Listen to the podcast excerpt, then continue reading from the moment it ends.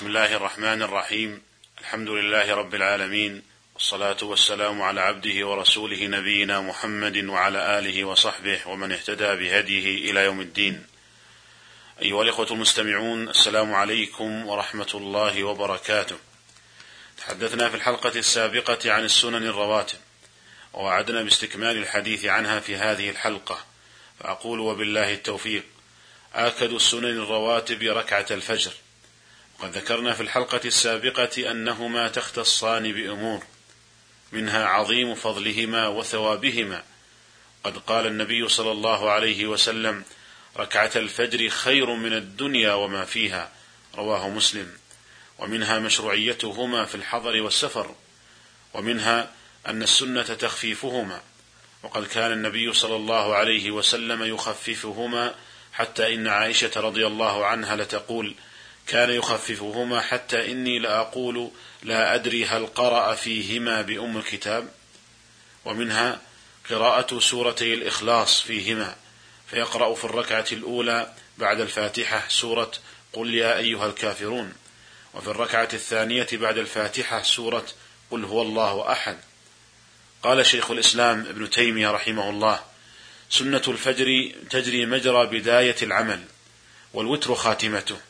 ولذلك كان النبي صلى الله عليه وسلم يصلي سنة الفجر والوتر بسورتي الإخلاص وهما الجامعتان لتوحيد العلم والعمل وتوحيد المعرفة والإرادة وتوحيد الاعتقاد والقصد.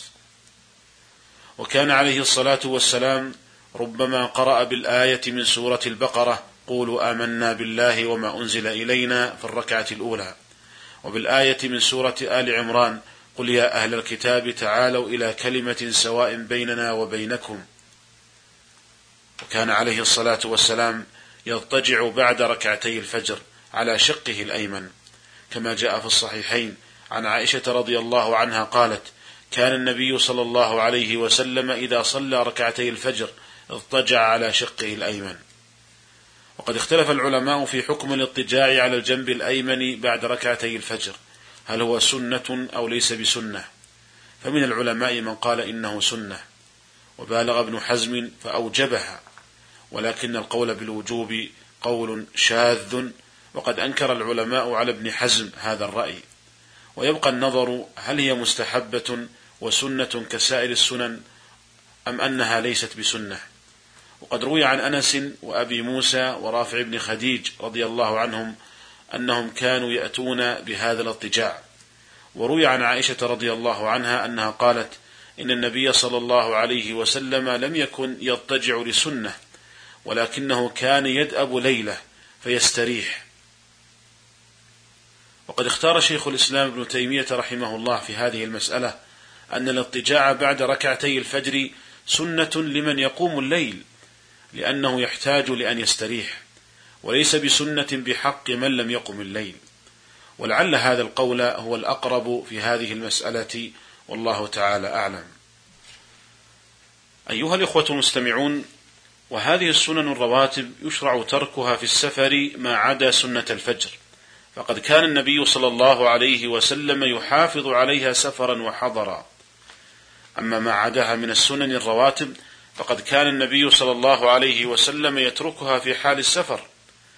قال ابن القيم رحمه الله كان النبي صلى الله عليه وسلم يواظب على سنة الفجر والوتر أشد من جميع النوافل دون سائر السنن. ولم ينقل عنه في السفر أنه صلى الله عليه وسلم صلى سنة راتبة غيرهما. ولذلك كان ابن عمر رضي الله عنهما لا يزيد على ركعتين ويقول سافرت مع رسول الله صلى الله عليه وسلم ومع أبي بكر وعمر رضي الله عنهما فكانوا لا يزيدون في السفر على ركعتين. وقد سئل عن سنة الظهر في السفر فقال لو كنت مسبحا لأتممت. أي لو كنت سآتي بالسنة الراتبة لأتممت الفريضة أربعا ولم أقصرها ركعتين. قال ابن القيم وهذا من فقهه رضي الله عنه فإن الله سبحانه وتعالى خفف عن المسافر في الرباعية شطرها فلو شرع له الركعتان قبلها أو بعدها لكان الإتمام أولى به. وهذا كله في حال السفر. وأما في حال الحضر فقد كان النبي صلى الله عليه وسلم يحافظ عليها محافظة شديدة. وحث عليها عليه الصلاة والسلام بقوله فقال من صلى لله تعالى في يوم وليلة ثنتي عشرة ركعة بني له بهن بيت في الجنة. ولهذا ينبغي لك أخي المسلم وأختي المسلمة المحافظة على هذه السنن الرواتب فإنها أولا يكمل بها الخلل والنقص الذي قد يقع في الفرائض ثم إن المسلم يكسب بها أجرا وثوابا. وقد وعد النبي صلى الله عليه وسلم من حافظ عليهن بأن يبنى له بهن بيت في الجنة. وقد قال الله تعالى في الحديث القدسي وما تقرب إلي عبدي بأحب مما افترضت عليه ولا يزال عبدي يتقرب إلي بالنوافل حتى أحبه. والمسلم إذا حافظ على هذه السنن الرواتب فإنه يكون قد صلى في سنة واحدة فقط أكثر من أربعة آلاف ومائتي ركعة. أيها الإخوة المستمعون ومن فاته شيء من هذه السنن الرواتب فيشرع له قضاؤه.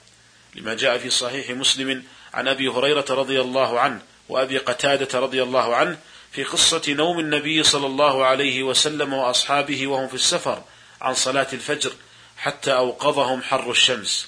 فصلى النبي صلى الله عليه وسلم راتبة الفجر أولا ثم صلى الفريضة بعدها.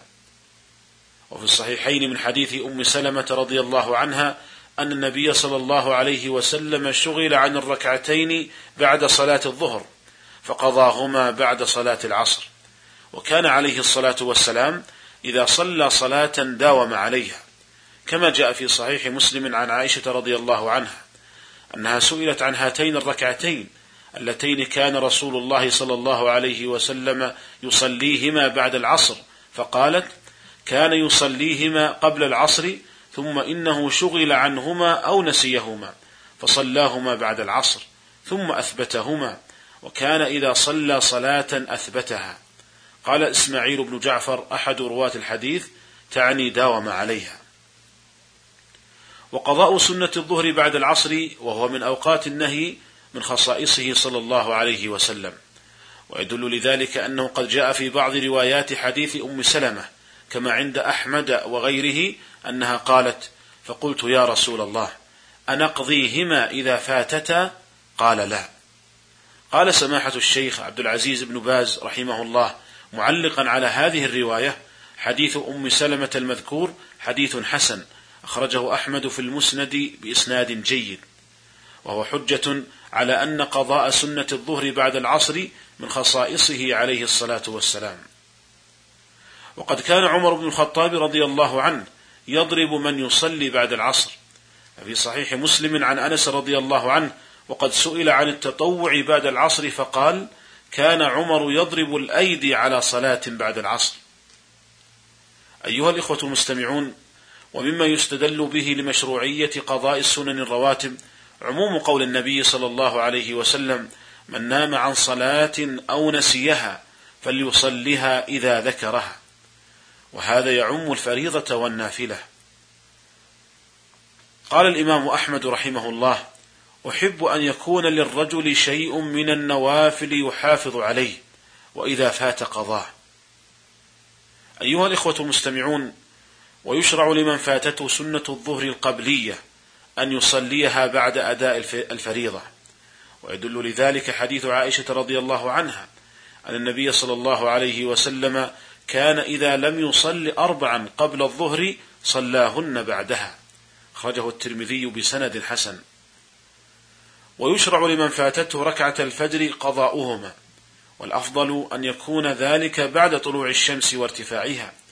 لحديث أبي هريرة رضي الله عنه أن النبي صلى الله عليه وسلم قال من لم يصل ركعتي الفجر فليصلهما بعدما تطلع الشمس.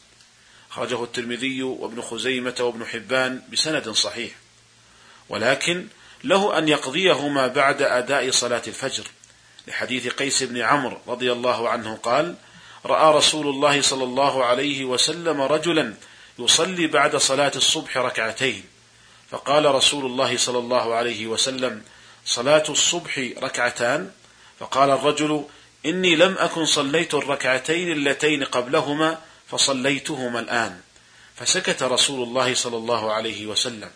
أخرجه أبو داود وابن ماجه والبيهقي بسند حسن. جاء في فتاوى اللجنة الدائمة للبحوث العلمية والإفتاء برئاسة سماحة الشيخ عبد العزيز بن باز رحمه الله. إذا لم يفعل ركعتي الفجر قبل الفريضة صلاهما بعدها لحديث قيس بن عمرو السابق ذكره. وإن صلاهما بعد ارتفاع الشمس فهو أفضل لقول النبي صلى الله عليه وسلم من لم يصل ركعتي الفجر فليصلهما بعدما تطلع الشمس. أسأل الله تعالى أن يرزقنا الفقه في الدين وأن يعلمنا ما ينفعنا وأن يوفقنا لما يحب ويرضى وإلى الملتقى في الحلقة القادمة إن شاء الله. والسلام عليكم ورحمة الله وبركاته.